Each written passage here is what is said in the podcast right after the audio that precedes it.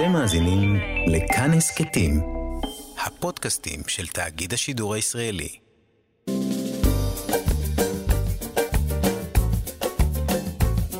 שישים החדש, עם איציק יושע. לחיות בגיל השלישי.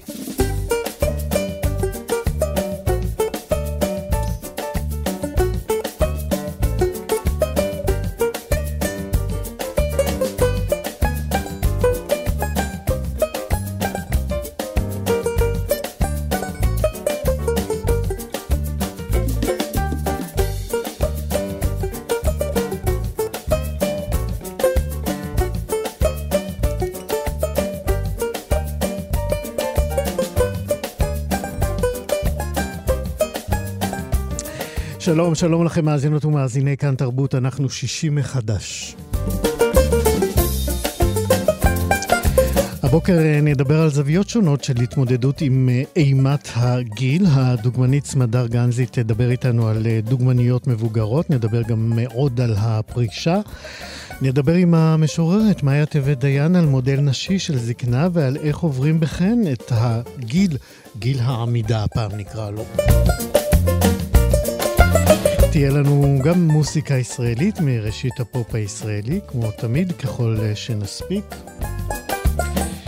בצוות הבוקר, שירי כץ, עורכת משנה עירה וקסלר, בהפקה שרון לרנר, הוא טכנאי השידור, אני איציק יושע איתכם עד 12.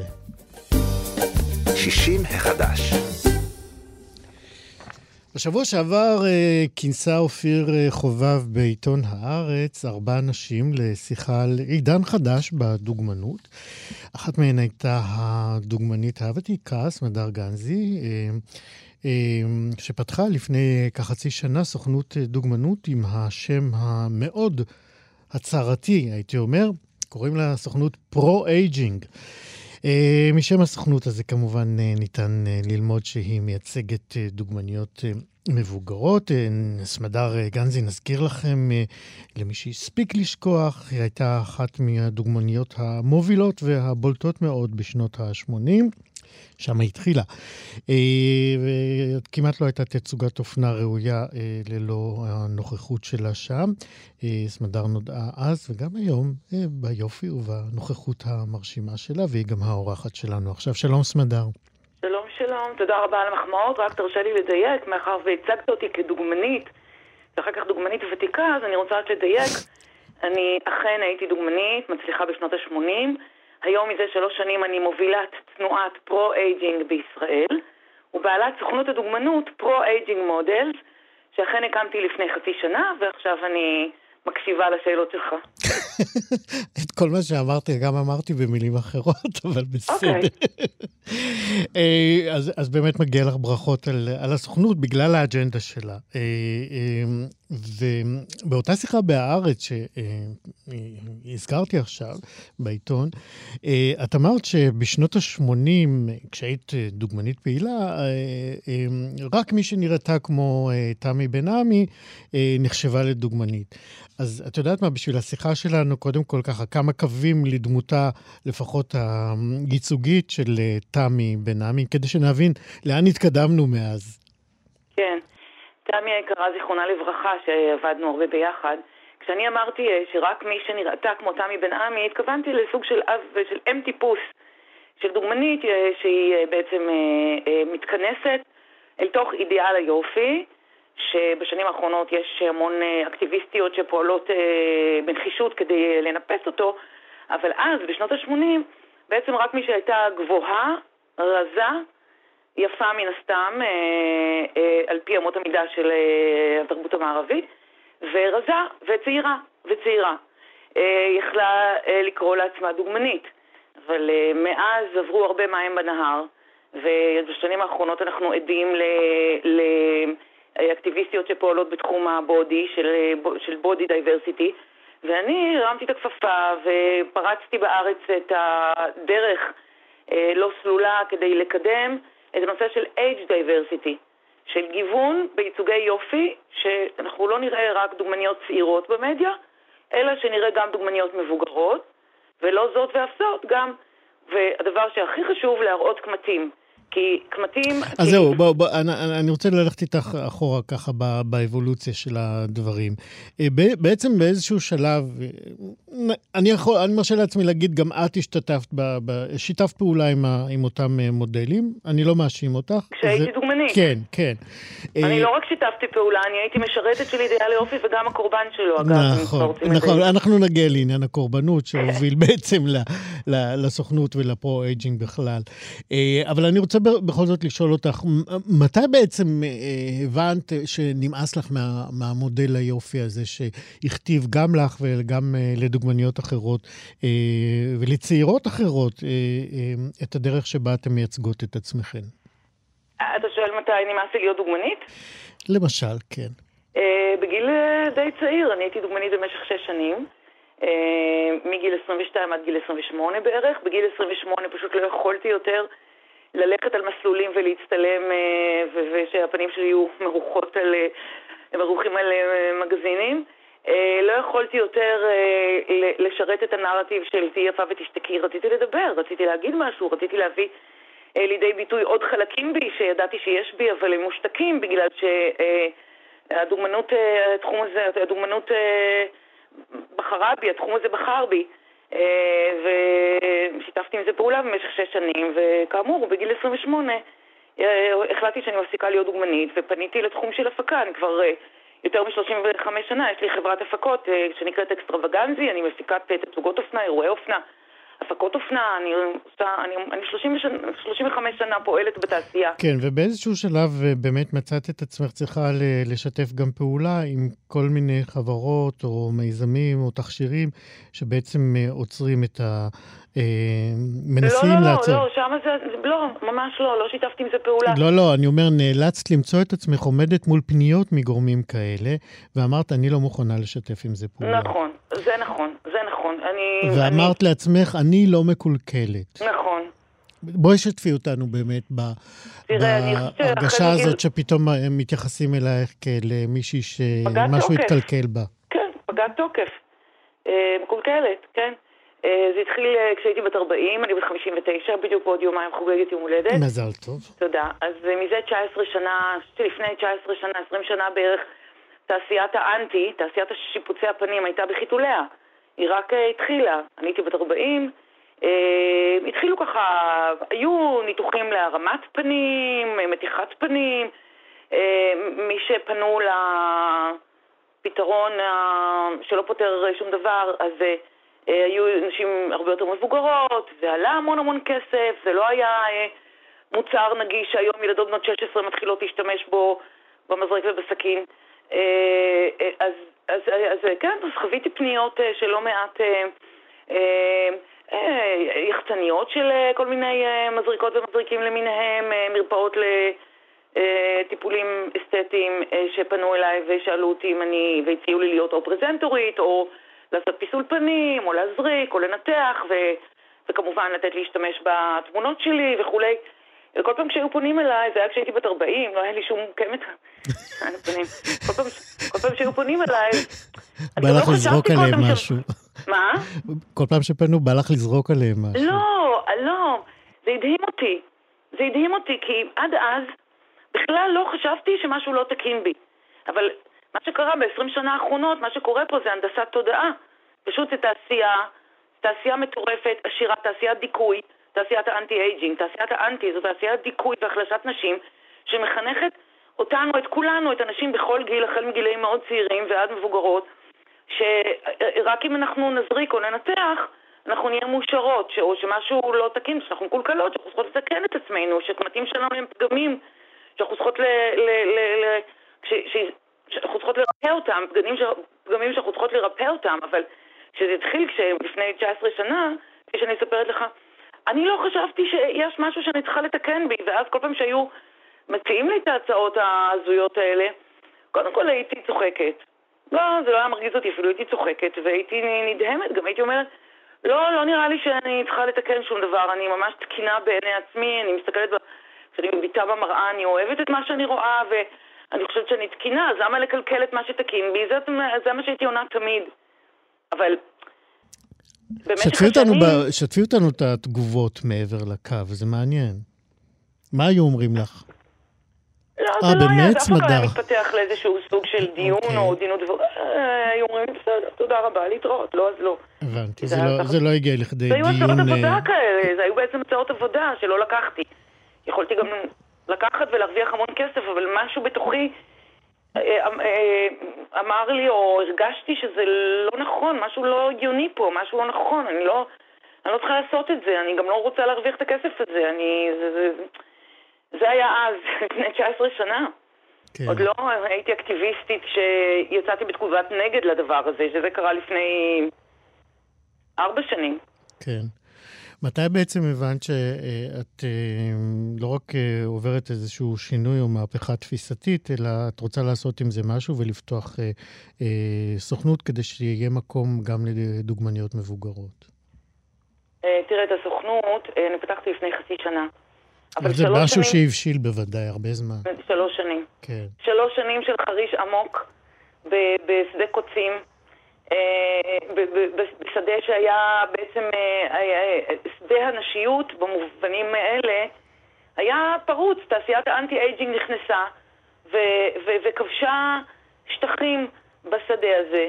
וכשאני התחלתי לפני שלוש שנים, כשהקמתי תנועת pro-aging, pro-aging movement, שאני מובילה אותה מאז, אה, לא, היה, לא הייתה תגובת נגד, לא קמה אף אחת ואמרה, אה, המלכה היא ערומה, בואו נראה רגע, בואו בוא נפתח את העיניים ונראה מה, מה, מה, מה עושים לנו, איך מדכאים אותנו, איך התעשייה, התעשייה הזאת מדכאת אותנו. אז לפני שלוש שנים... כשאת בעצם- אומרת התעשייה הזאת, את מתכוונת רק לתעשיית האופנה, או לא, לא, גם לא, מעבר? לא, לא, לא, בכלל, אני לא מדברת כן. על תעשיית האופנה בכלל, אני מדברת על תעשיית האנטי. אוקיי. תעשיית האנטי-אייג'ינג זו תעשיית דיכוי. כן. תעשיית דיכוי נשים. כן. שבעצם באה והיא נובעת מתוך... היא נובעת מתוך הרבה דברים, שאחד מהם זה גילנות, כן. כמובן, שאתה עוסק בזה, אני מניחה, ב- מן בפודקאסט הסתם. בוודאי. גיל- גילנות, אז כולם יודעים מה זה גילנות.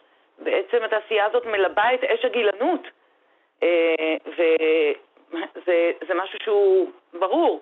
אז, ומה שהכי עצוב בזה זה שנשים משתפות פעולה עם זה, נשים אולי לא מבינות, ואולי מבינות ומעדיפות להדחיק, או כל אחת תעשה מה שהיא רוצה כמובן, אני לא אחראית על הדחקות של אנשים אחרים, אבל אה, המטרה של pro-aging היא גם לעורר שיח, להעלות מודעות ולעורר שיח בנושא, שנשים uh, uh, יבינו שבעצם uh, שיתוף הפעולה, הן משתפות פעולה עם גילנות, הן משתפות פעולה עם דעות קדומות נגד עצמן, נגד עצמן עכשיו, נגד עצמן העתידיות, ש- אה, נגד גילנות, משתפות פעולה עם גילנות נגד נשים, שנשים יותר סובלות מגילנות מגברים, כי אנחנו סובלות גם מאייג'יזם וגם מסקסיזם, אז אנחנו בכלל כן. אה, נמצאות ב...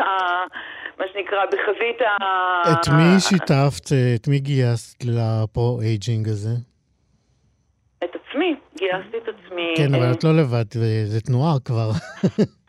התנועה, תראה, כשאני התחלתי לדבר על pro-aging ופתחתי את התנועה הזאת בעצם, אה, הלכתי בה לבד בהתחלה.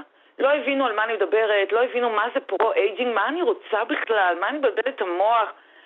ו, אה, אה, אבל הלכתי, הלכתי בשדה, בלי להסתכל ימינה ושמאלה, ולא עניין אותי אם אני לבד או לא לבד, אם, אני, אם מבינים אותי או לא מבינים אותי. ידעתי שקודם כל אה, pro-aging זו השליחות שלי.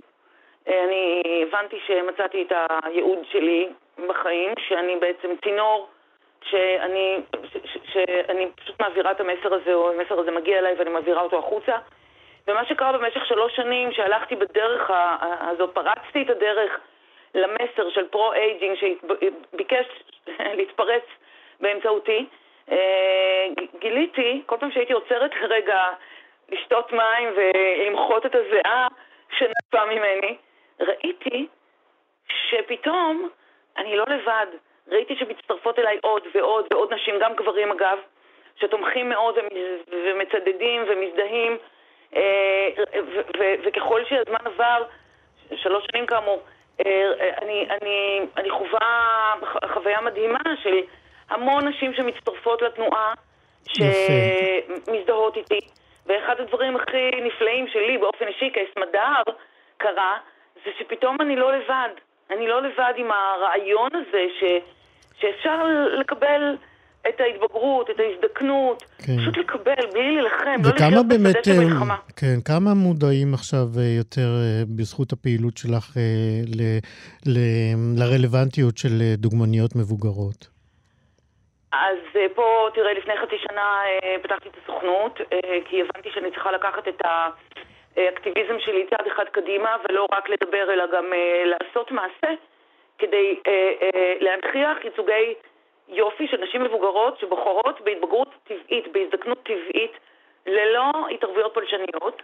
והחלטתי שאני פותחת את הסוכנות הזאת, ויש לי המון עבודה לעשות. הסוכנות הזאת היא, היא, היא, היא שוס, היא מצליחה מאוד, הדוגמניות שלי התחילו לעבוד, הן מצטלמות לקמפיינים ולכל מיני הפקות. כמה דוגמניות אה, מבוגרות כבר מיוצגות אצלך? יש לי 30 מיוצגות היום. Mm-hmm. מאז שפתחתי את הסוכנות, שזה חצי שנה, פנו אליי 760 אה, נשים.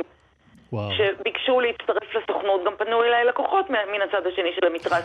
אז זהו, רציתי לשאול איך זה, איך זה עובד. את יוזמת פניות לחברות ומעניינת אותן בדוגמניות. המבוגרות שלך? קודם כל, יש לי פה psychological innovation שאני עושה. אני, אני בעצם מייצרת גם את, גם את הביקוש וגם את ההיצע, כי אני פונה לחברות, אני גם מתראיינת המון בנושא. ואני מסבירה וגם מראה למותגים, ל, ל, ל, לכל מי שרוצה למכור לנשים מבוגרות מוצרי צריכה ו/או שירותים שמותאמי גיל, אני מראה להם, וגם מסבירה וגם מראה באמצעות הדוגמניות שלי שכבר אה, עובדות, מצטלמות, שכשרוצים למכור לנו, אה, לי, שרוצים למכור לי, אישה בת 59, בגד או קרם או בנק או סלולר, או יקב, או חופשה, או אוטו. תנו לי, תנו, תנו לי את בת זמותי, יותר קל לי להזדהות איתה. עדיף, כדאי לצלם כן. מישהי בגיל שלי, כדי שאני אוכל להזדהות איתה, ולא לקחת מישהי בגיל של הבת שלי, יש לי בת בת 27, שזה גם נחשבת היום מבוגרת בשביל דוגמניות.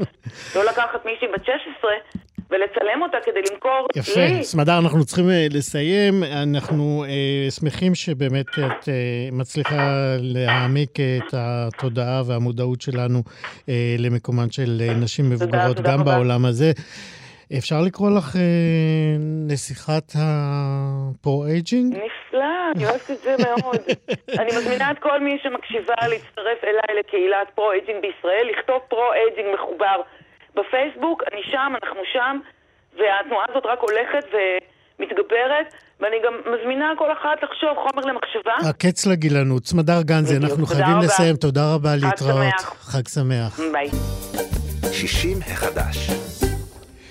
עכשיו נדבר על הפרישה מהעבודה. זאת השיחה השלישית שלנו במעין אה, קורס שעשינו כאן לקראת היציאה לתקופת החיים החדשה הזאת, שיחה שלישית אה, ואחרונה.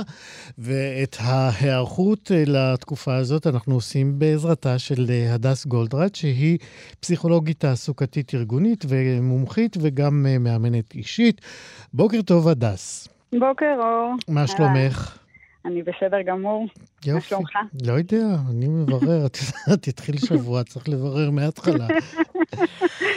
כן, בתקופת החגים בסוף, זהו, אנחנו בירור מעמיק. אז זהו, אז האמת שדי אה, מצפה לי איזה חופשונת בסוף השבוע הזה, ויש לאן לשאת עיניים. בואי נדבר על פרישה. יאללה.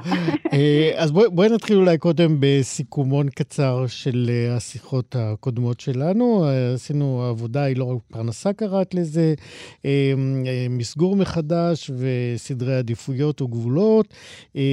את יודעת מה, תעשיית את הסיכום ואנחנו נמשיך הלאה.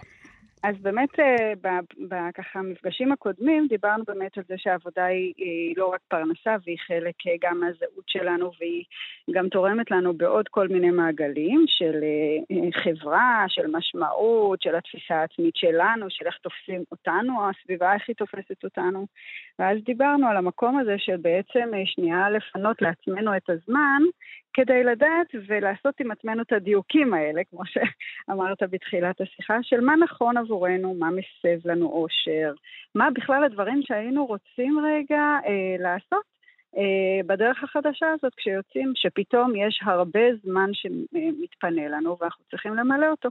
אז קודם כל זה דיוק באישי, זו עבודה אישית שלנו עם עצמנו רגע, להבין, אחד, מהם החלומות והדברים שהיינו רוצים אה, לעשות ולא הספקנו לעשות עד עכשיו, ואחר כך זה באמת יהיה גם לבדוק עד כמה הדברים האלה מסבים לנו אושר, כן או לא. אז זהו, רציתי לשאול אותך, אנחנו מדברים על לעשות את הבדיקה האישית, העצמית הזאת, ומכיוון שאנחנו מנסים אה, כמה שאפשר, זה קשה להיות מאוד נכון. פרקטיים, אבל אה, בואי ננסה רגע לפרוט את זה אה, לפרוטות, למעשים, למחשבות. כשאני, את אומרת, בואו נבדוק את זה באופן אישי, מה את אומרת? פשוט לקחת למשל דף או נייר, או מי שרגיל כבר לעבוד מול מקלדות, אה, ופשוט לכתוב, חלמתי להיות דוגמנית בגיל 18, אה, לא הלך, אה, אבל אני, הנה, שמעתי עכשיו שיש דוגמניות מבוגרות ויש סוכנית לדוגמנות, אולי זה הזמן להגשים חלום, אז אני רושמת את זה כמשימה לפרישה. בדיוק. זה דברים שרציתי לעשות ולא הספקתי, או לא ידעתי איך להתחיל, או אמרתי שיהיה לי הרבה זמן, אני צריכה ממש להקדיש לזה זמן, אוקיי? ואז לשבת רגע, וזה לא סידורים, לשים לב, זה לא דברים שאני צריכה לעשות, זה דברים שאני רוצה. שחשבתי שיהיה לי כיף לעשות אותם. למשל, אני נורא אה, מתעניין, תמיד רציתי אה, לרקוד אה, סלסה. לא היה לי אף פעם זמן לדעת בכלל איפה ומתי ואיך וכמה זמן זה דורש. עכשיו יש לי פניות לזה, אז זה גם... והרגליים עוד עובדות, אז... בדיוק, וזה יספק לי צורך חברתי אוקיי. של לפגוש אנשים. אני גם אוהבת מוזיקה, וגם אני אממש את החלום הזה. למשל, אני נורא אה, אוהבת אה, לטייל בעולם, תמיד רציתי לקחת, בעולם, בארץ, לא משנה, לקחת ולא להיות אה, אה, מוגבלת בשלושה ימים ואני חייבת לחזור לעבודה, או יש לי רק אה, חמישה ימים חופש. לא כזה, אלא פשוט החלטתי שאני רוצה אה, לקחת אה, את עצמי ולהיות כמה כמה זמן שיבוא לי עם כרטיס כזה פתוח, לא יודעת, ביוון, בלנסוע לאירופה ולראות אה, דברים שעניינו אותי, אבל לאפשר את זה, ושנייה, לחשוב ולא לחשוש בכלל לבטא את זה. אני חושבת שיש כל מיני דברים שאנחנו אפילו לא מאפשרים לעצמנו לבטא, ואנחנו רואים, מה עכשיו? נו באמת, מה? כן, זה טיול, זה כמו טיול אחרי צבא, זה טיול אחרי העבודה, וכשיש לנו זמן, זה בסדר גמור לתת לזה את המקום. זאת, זאת אומרת, פשוט לשבת באמת בלי להתבייש, בלי להתפדח נכון. מעצמך, לעשות רשימת כל החלומות שחלמת ולא העזת לבטא, או העזת ודחקת הצידה. בדיוק. ואז אנחנו יושבים, יש לנו רשימה, פתאום אנחנו מגלים גם שחלמנו כל כך הרבה דברים. ואז אה, אה, אנחנו יושבים מול הרשימה הזאת, ואז מה? הרי אי אפשר להגשים את הכל, צריך נכון. לעשות סדר עדיפויות. בדיוק, לפה אנחנו מגיעים בדיוק במפגש היום, ואז עושים סדר עדיפויות, וגם מסתכלים על, ה, על מה, מה הכי חשוב לנו, מה היינו רוצים להכניס, וזה האבנים החשובות שלנו, גם, ב, גם ב, בדברים שרצינו לעשות למעננו וגם למען הסביבה שלנו, כי יש גם כל מיני ציפיות מהסביבה, אוקיי? של הסביבה. ואז מה שאנחנו עושים, אנחנו מחליטים לקחת דבר אחד או שניים. גם אם יש רשימה של 20 דברים, זה מבורך דרך אגב, אבל אנחנו עושים סדרי עדיפויות כן, גם... כן, זה צרות של השירים. בדיוק, אז, אז אנחנו עושים סדרי עדיפויות גם במה להתחיל. וגם במציאות מבחינת הזמן. עכשיו, יכול להיות שיהיו כמה דברים שנעשה במקביל, וזה בסדר גמור, אני גם יכולה מאוד uh, לממש חלום שישן, שרציתי ללמוד משהו מסוים, וגם להיות בחוג כזה או אחר, וגם, זה בסדר, אבל אני צריכה לעשות איזשהו סדר לעצמי בדברים של איך השבוע שלי נראה. מה הייתי רוצה ש, ש, לעשות, ושזה יהיו האבנים הגדולות שלי, שבטוח כשאני מסתכלת בסוף השבוע, אני אומרת, יואו, איזה כיף. רציתי לרקוד ואני רוקדת. רציתי אה, ללמוד ונרשמתי לקורס הזה והזה, והנה אני עושה את זה. רציתי לפגוש חברים, אני עושה את זה. רציתי למשל ל, ל, לבדוק, אה, אה יש כל מיני אה, מסגרות של אה, אנשים שככה, אה, יש הרצאות, יש כמו אה, דברים כאלה של העשרה, שאפשר לחשוב על זה ולראות אם זה מתאים.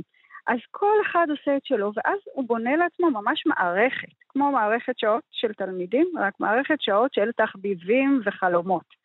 ואת כל זה הוא מצייר לעצמו, ואז הוא יודע בדיוק, הוא קם בבוקר, ומה הוא הולך לעשות, מה הדברים שהוא היה רוצה לעשות, וזה מתממש, זה הולך להתממש. עכשיו, שני דברים כדי שזה, יתממש, שזה, שזה אכן יתממש. אחד, שזה יהיה מדויק לעצמי, ושתיים, לדבר את זה לסביבה. ופה אני רוצה שנייה להתעכב על זה. בבקשה. לדבר על זה... כי שם מתחילות הצרות בעצם. פה יכולה להיות איזושהי אי-הבנה או אי חוסר תיאום ציפיות. הסביבה בדרך כלל גם לה יש ציפיות, והיא נורא שמחה כשאנחנו, אה, כשמתפנה זמן, אוקיי? ואז ישר בלי... תמיד יש אה, מישהו שאורב לזמן שלך. בדיוק, ואז תמיד יש, זה נורא קל גם לגזול את הזמן הזה, ותמיד גם זה נשמע לנו נורא נורא דחוף. אני חייב, אני, יש לי עבודה, אין לי ימי חופש, וזה זה בעיקר אה, הזמן נשאב כשרוצים לעזור לילדים, לטפל בנכדים, דברים שכאלה, אוקיי? עכשיו, אני האחרונה שאגיד אה, אם לעשות או לא, בסדר? זה כל אחד יעשה אה, כמיטב יכולתו וכמה שנראה לו נכון. אבל אני כן רוצה להאיר את עיניכם בהיבט הזה של שלא כל הזמן הפנוי יישאב רק לדבר הזה, אם זה לא האבן הגדולה שרציתם, שכתבתם. כי אם זה האבן הגדולה על הכיפק, אבל אם זה, אם זה לא, והתכוונתם לדברים נוספים, אז לשים לב לזה, כאילו, ולשים לב ממש. ואז, מה זה אומר? כשאנחנו בונים לנו את המערכת שלנו, של איך אנחנו רוצים שזה ייראה, אז אנחנו צריכים גם לתקשר את זה עם הבת אה, זוג או בן הזוג, עם הילדים שלנו, ולהגיד, חבר'ה, תראו, הולך להתפנות זמן. לי נורא חשוב ללמוד, אה, לרקוד, אה, לטייל, לפגוש חברים, כל הדברים האלה. אז אם בניתם שלא... עליי, לא. אז אני, לא, אבל להגיד מה כן. Okay. אוקיי. ולכן אני אה, יכולה או יכול אה, בימים, פעמיים בשבוע. פעם בשבוע ככה ובזה, אבל להגיד מה כן מצד אחד, ואז יש גם הבנה שזה מוגבל לפעם, פעמיים, שלוש, כל אחד מה שנוח לו. וזה לא חמישה ימים או שבעה ימים בשבוע, זה לא כזה. יפה. אז אל תגידו לא, תגידו כן. נכון, כן, אבל מה אפשר, ומה מתאים, ואז אני חושבת שאין תסכול משני הצדדים. אנחנו צריכים אה, לחתור לסיום. יש איזו הצגה בקאמרי שאמרת לי שנורא מדברת בדיוק על הזמן הזה, וכדאי נכון, לראות אותה. נכון, תחושות בטן קוראים לה, mm-hmm. והיא מומלצת, היא ככה מסכמת את הדברים שדיברנו עליהם בשלושה מפגשים האחרונים. ואני חושבת שזה יהיה נחמד אם... אה, יצפו בה. יפה, אז אה, סיום יפה לקורס הקטן שלנו על פרישה, אה, ללכת אה, לצפות בהצגה הזאת, תחושות בטן בתיאטרון הקאמרי. הדס גולדרט, אנחנו מאוד מאוד מאוד מודים לך שעזרת לנו לצאת לפרישה בכל שלוש השיחות האלה, הן היו מאירות עיניים ומרחיבות דעת, ואני מקווה שמאזיננו, מאזינותינו, יעשו בהם שימוש. הדס גולדברט, אה, פסיכולוגית תעסוקתית, ארגונית וגם אה, מאמנת אישית, תודה רבה מאוד. תודה רבה רבה. 60 החדש. וכך uh, כותבת המשוררת והסופרת דוקטור מאיה טבת דיין בכתבה שהתפרסמה בעיתון הארץ. אני טובה בלהתבגר, ומיום ליום אני עושה את זה טוב יותר. נראה שיש לי כישרון טבעי, העפעפיים הנופלים, הקמטים בצידי הלסת, השיער המלבין פה ושם, הפיגמנטציה של על, על האור, אבל גם השכל שצברתי עם השנים, פיתחתי מד בולשיט פנימי, ואני הרבה פחות מתרגשת ממה שלא צריך להתרגש ממנו, וללא ספק עושה הרבה יותר טוב לעצמי ולעולם. אני יותר בכושר, אני אוכלת יותר טוב ומחוברת לנפש ולגוף. עזבתי מזמן את הביקורתיות ואת הציניות וכל שבב של שנאה עצמית. הבעיה היא כמובן שבכל מקום שאליו אני מפנה את המבט, ביטוי אה, אה, אנטי-אייג'ינג. נאמר לי, דיברנו על זה קודם, אה, להילחם בכישרון הטבעי שלי, לקנות תכשירים שמראש אה, מסמן מלחמה, להיראות אה, צעירה מכפי שאני, לנתח, למרות, למתוח, להדק, לצבוע, להישאר מעודכנת. כלומר, מעודכנת במה חושבות צעירות ממני, מה אומרות צעירות ממני, מה לובשות צעירות ממני. לפעמים יש הרגשה כאילו הכריזו מלחמה על כוח הכבידה, או על השמש, או על מחזור חייו של היער, אבל לא. כל אלה יכולים להמשיך בנחת. היער ינבול ויתחדש, השמש תזרח ותשקע, בעלי חיים יזדקנו בשלווה. על זכרים של המין האנושי אפילו אומרים שהם מזדקנים יפה. רק דבר אחד הדעת לא תצליח לשאת, ההתבגרות שלי. המשוררת דוקטור מאיה טבת דיין מחפשת מודל נשי לשאת אליו עיניים בחייה כאישה מבוגרת, והיא גם האורחת שלנו עכשיו. שלום ובוקר טוב. בוקר טוב, איציק. בוקר טוב.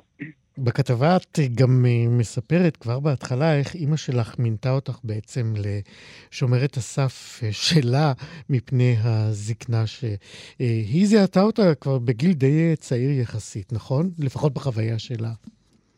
תראה, אני חושבת שקודם כל כן, אני מתחילה את המסע הזו ממקום מאוד מאוד אישי, אני מספרת איך גידלו אותי, וזה די הפליא אותי, כי ככה הלכתי והתחלתי לכתוב משהו על ההזדקנות או ההתבגרות הנשית. אני בת 46 היום, אני כאילו עוד לא שם, אבל אני וחברותיי מתבוננות באימה על מה, מה יהיה עוד חצי שנה, שנה, שנתיים, 13. ואמרתי לעצמי, זה סיפור מאוד, של אחרים. טוב מאוד, אשרי מפחדת תמיד. אוי ואבוי לי. ואני אומרת לעצמי ככה, זה סיפור של אחרים, זה לא סיפור שלך, מאיה. זה אחרים מפחדים, החברות שלך מפחדות, כל המנותחות מפחדות, זה לא את. ואז הלכתי לעשות בדק בית, וניסיתי להיזכר, ופתאום זה טלטל אותי.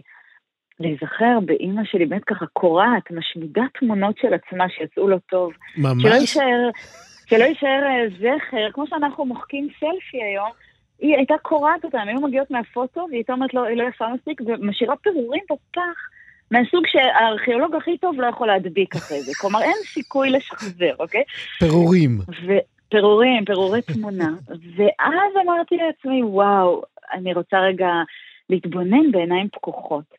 באיזה קול פנימי השתילו בי, במאיה, הילדה, ביחס להתבגרות נשית, וחשכו עיניי, האמת. ממש חשכו עיניי. אז זה גם מה שאמרת, הפחד הזה של אימא שלי העמוק, להתבגר, לאבד את היופי. אה, זה זה שאסור לשאול נשים לגילן, שזה לא מנומס. אה, כן, תכניסי כן. אותנו עוד לאווירה הזאת, לשנות הדור האלה של אה, חשש מפני הזקנה שלתוכו גדלת כבר כילדה. תני לנו עוד אירועים. אגב, זה לא... כן, בהמשך את כותבת גם, את מספרת על מין בדיחה פנימית כזאת בין אה, אביך ואימך, כשהייתה שואלת אותו איך, אה, איך אני נראית, אז הוא אומר לה, יפה יחסית לגילך. נכון, את נראית נהדר לגילך. ושניהם היו צוחקים. וזה מהצחוק הזה שאתה צוחק, צחוק מר. כזה, כן, כן הצמיחה הזו. אז זה כל המודלים שעד היום, אני חושבת גם מה בנותיי, שהן ילדות, מה הן רואות? מי הדמויות המבוגרות באגדות? מי הדמויות המבוגרות בנטפליקס? האם יש בכלל דמויות מבוגרות בטיק טוק? כלומר, אז לגבי השאלה השלישית, כמובן שלא, אם את מסתכלת על ממשלת ישראל, יש המון דמויות מבוגרות בטיק טוק. רגע, תסביר לי. אם את מסתכלת כי אין, אין שרה, אין שרה, וגם שרים אה, שלא מחוברים לטיקטוק ומעלים אה, סיפורי אה, טיקטוק לרשת. לא ידעת את זה? אתה רואה? השרה לא, אורנה לא ברביבאי די מככבת שם, למשל. אז אני מסתכלת מה הבנות שלי צופות. הן לא צופות באורנה ברביבאי, הן לא רואות בכלל נשים מבוגרות שם. ואם הן רואות נשים מבוגרות, תמיד הנשים האלה, ואגב, אפשר, אתה פשוט הולך ועושה גוגל, וסתם תרשום באנגלית middle age woman, אוקיי? יעלו לך מאות תמונות של נשים ידועות יותר או פחות, וכולן נראות אותו, אותו, אותו שטנץ. כולן מתוחות ומנותחות, הצוואר לא מספיק אז מסתירים אותו, העצמות לחיים גבוהות, שקעי העיניים התמלאו במשהו, כלומר, אין שום... איפה, איפה הבת שלי יכולה לראות אישה מבוגרת טבעית? ו- ועדיין לא, אתה יודע, לא רק בסופר, אלא אחת ש- שהיא, שהיא קצת מוכרת ציבורית, שקצת יש לה איזה הדהוד. אה, באגדות הן תמיד מכשפות, נכון? עם השומה על הלחי, כן. כן, את כותבת על זה גם, אה, כתבת את זה גם בהמשך שם, את מתארת, כשהיא החלה לפסוע אל עבר ההתבגרות, היא פסעה אל עבר הזקנה הערירית מפינת היער, המכשפה עם השומה בסנטר. נכון, זה המיתוס. זאת האימה שלנו, של זה המיתוס של הזקנה והפחד ממנו. של האישה המבוגרת. כן. של האישה המבוגרת. אין מיתוס כזה לגבר מבוגר. ואז את באמת הגבר... אה, הולכת אה, לחפש לך מודל אחר. האם את מוצאת, מאיה? אני לא ממש מוצאת. אני כן אני, ככה אוספת לי פסיפס מודל מהסבתות שלי, שהיו האמת אה, מודל נהדר, נטולות הסתרה, בושה, מבוכה. אני לוקחת את זה מהחברה הטובה שאימי השאירה אחריה. אה, אני בונה איזה מודל ואני אומרת לי ולבנות האחרות, אנחנו חייבות לייצר משהו עכשיו. אנחנו צריכות להיות מודל, אנחנו לא צריכות לשאול את עצמנו איזו אישה מנותחת אני רוצה להיות, או מה הניתוח הבא, או עם איזה פלסטיקאי אני הולכת לחתום אה, קבע עכשיו, אלא איזו אימא גדולה אני הולכת להיות, איזה דוגמה אני אהיה לבנות שלי ולחברותיהן. ויותר מזה, איך אני הולכת לעורר ולהציף שוב ושוב את השיח הזה, שכולן כל כך מתביישות בו. אז בואי בוא שתפי אותנו ב, בזמן הקצר שעוד נשאר לנו, בואי שתפי אותנו במחשבות האופרטיביות שיש, שאת אומרת, איך, איך, איך, איך, מה כן. מה זה איך, איך? תראה, אם אני יושבת וכותבת מסות בעיתון הארץ, ואני באה ומדברת על זה באופן גלוי, ואני אומרת, תשמעו, אני מעלה שאלה בפייסבוק, ויש לי לא מעט עוקבים ועוקבות שם, וכולן עונות תשובה אחת, אני לא מטפחת עצמי, אני לא מתכוננת לגיל המעבר, אני רק מצחצחת שיניים ושמה איזה קרם. ובפרטי אני מקבלת במסנג'ר המון המון הודעות, עשרות, אם לא מאות, שמספרות בעצם, רציתי להגיד לך, לא מול כולם, שאני עושה ככה וככה. אז אני אומרת, רגע, את זה אני רוצה להציף, למה אנחנו מתביישות? אני אספר עליי. אני אלך ואני אכתוב עליי שוב ושוב ושוב, ואני אספר על המבוכות ועל הקשיים, וכן, ואם אני מתחילה להרגיש שקופה, אני אכתוב את זה. אני אכתוב את זה כדי שנשים נוספות ידברו על זה עם בנותיהן, עם חברותיהן, יהיה להם על ידי מי להתמך, כי יש לך חברה היא תומכת בך. הפלסטיקאי לא יתמוך בך, הפלסטיקאי יעשה שתהיי תלויה בו הרי. אבל איך אנחנו תומכות זו בזו? זה אופרציה, לספר את הסיפור הזה בקול רם, גם לגברים שלנו, לפתור את הבעיה הזו, לא להיות מין ממורמרת כזו שלא רוצה סקס, אלא להגיד, להגיד לו, שמע, אני עוברת גמילה מאסטרוגן, אני פה במכון גמילה, בתוך הבית שלנו, וזה סיוט, ובוא תהיה איתי. ובוא נמצא איך עושים סקס בתוך הגמילה הזו, אל תלך לאחרת ואני אלך למישהו אחר. כל הדברים האלה, להציף אותם. אני חושבת שזה התיקון האמיתי שלנו. אז הנה, עזרנו קצת בהרחבת השיח הזה, גם כאן, הלוואי, בשיחה הלוואי. הזאת. קצת, את יודעת, אנחנו טיפה, אבל את יודעת, טיפה ועוד טיפה. מאיה טבת דיין, תודה רבה שדיברת איתנו. תודה רבה לך, להתראות. ביי ביי. להתראות, יום טוב. לחדש. 22, 22 אה, בספטמבר, למי שלא התעמק אה, בעניין הזה, בעצם אה, נחשב באופן רשמי ליום הראשון של הסתיו. בשביל אבי גרפינקל זאת הזדמנות ממש מצוינת להתייחס אל סתיו חיינו ולחשוב באופן פומבי על גיל העמידה ועל הדרך לעבור אותו במידה לא קטנה של חן, אופטימיות. ובעיקר אה, עם עיניים אה, פקוחות אה, לרווחה. אבי גרפינקל הוא סופר, הוא מרצה והוא האורח שלנו עכשיו לשיחה על הסתיו של החיים שלנו. שלום, אבי. אהלן, איציק. בכתבה שפרסמת בהארץ, אתה מביא את סיפורו של מאמר מ-1965 של הפסיכולוג אה, אליוט ז'אק, אה, והמאמר הזה טען זאת אומרת, הוא טען, אה, אליוט ז'אק, שלקראת גיל 40 מתחילים אנשים אה, להרגיש בצל המאיים של המוות. לא יודע למה דווקא 40, אבל בסדר. ושם, בנקודת הזמן הזאת, הם בעצם מתחילים להבין שהם לא יספיקו להגשים את כל חלומות הנעורים שלהם. ועוד הוא אומר שם במאמר הזה, הוא, הוא מתאר אפילו מקרה של מטופל שממש נרדף על ידי איזשהו פחד מכך שהוא אולי חצה איזשהו סף גורל. גורלי, ו, ו, וגם נופל לו האסימון שמספר השנים שהוא חי אה, מתחיל להיות גדול מאלה שנשאר לו. אז אה, אני רוצה לשאול אותך, אה, צריך לומר שהמאמר הזה, כמו שכתבת, הוא די נתקל בהתנגדות ואולי נשכח, אבל אתה מחזיר אותו. למה בעצם? קודם כל זה לא אני מחזיר אותו, אמנם נתקלתי... אתה החזרת אותו בכתבה, אז מבחינתי אתה החזרת כן, אותו. כן, אה, אוקיי, בסדר, אבל אה, עשר אה, שנים אחרי שהוא נכתב, אה, כתבו עליו ספרים על המאמר, ואז המאמר בעצם חזר לחיים עוד פעם, בערך כשאני נולדתי, אז לא אני זה שהחזיר את אליוט ג'אק לתודעה, ובטח לא את המושג משבר גיל העמידה. כמובן. תפס נורא חזק באמצע שנות ה-70, עם שני ספרים אמריקאים, אחד של פסיכולוג דניאל לוינסון, עונות חיינו, אחד של עיתונאית בשם גייל שיהי, שכתבה ספר בשם מעברים, שגם תורגם לעברית, וזה מאוד סייע להנחיל בתודעה הציבורית את המושג אה, משבר אמצע החיים, Midlife Crisis, כמו שהם קוראים לזה באנגלית. Mm-hmm. אה, וזה כל כך אה, השתרש עמוק בלבבות ובנפשות של האנשים, שזה כבר יצר סביב זה תרבות שלמה עם התייחסויות בסרטים, בסדרות טלוויזיה, בספרים, וגם אה, בתעשיות כמו תעשיית הקוסמטיקה ומכוניות המרוץ וכל מיני דברים כאלה. אה, עד כדי כך שהיו כבר שחשדו שזה בעצם המשבר שבמידה רבה הוא מומצא או מלאכותי. שיש כאן איזו קונספירציה של... עם חברות כן. הקוסמטיקה והתרופות והניתוחים הפלסטיים שרוצים להשיב את הנעורים, אבל בעצם בחברות אחרות ובתקופות אחרות זה לא היה קיים. וזה עניין של המצאה די חדשה. אז זהו, אני לא יודע אם האזנת לתוכנית מתחילתה, אבל דיברנו כאן באמת אה, גם על ה...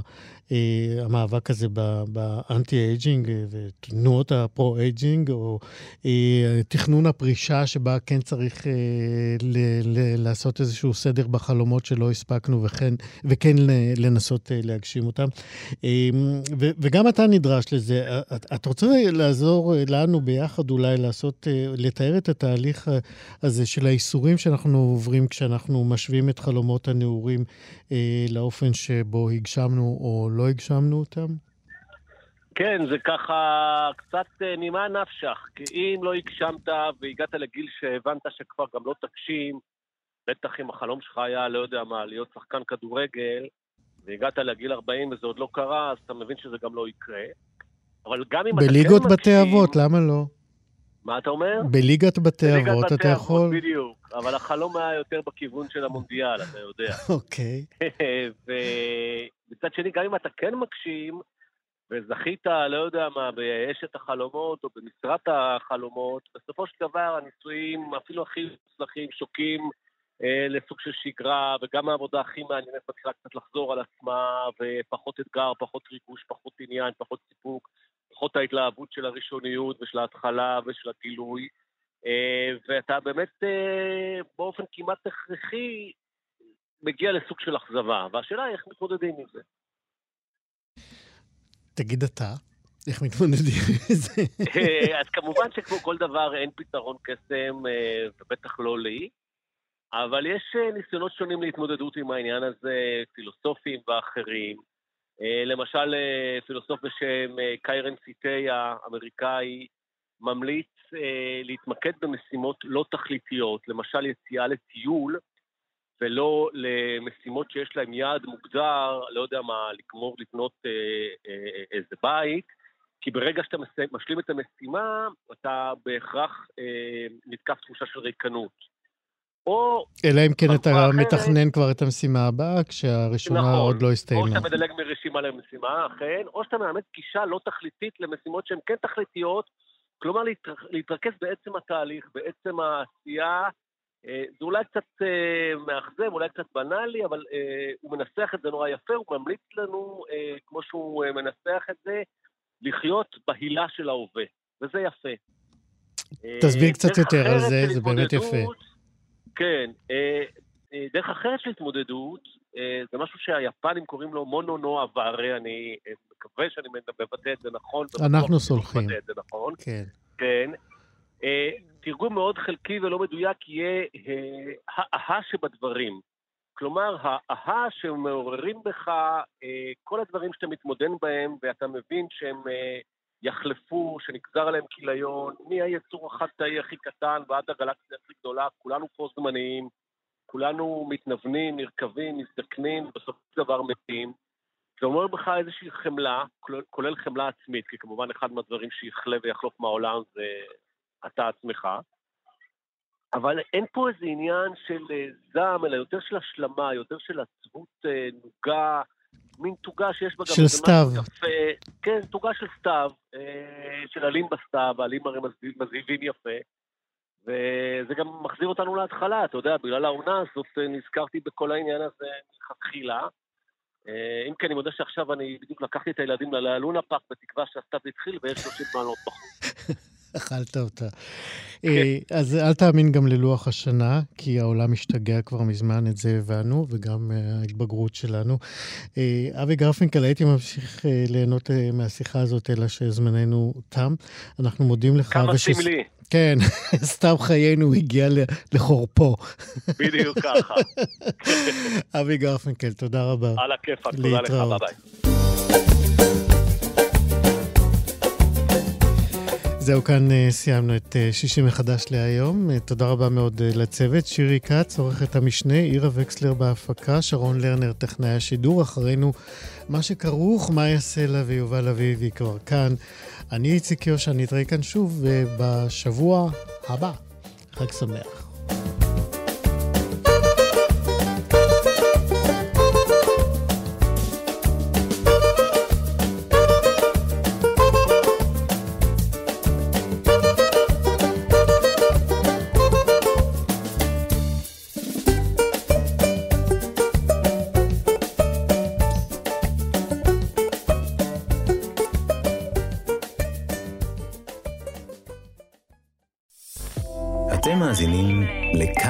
הסכתים, הפודקאסטים של תאגיד השידור הישראלי.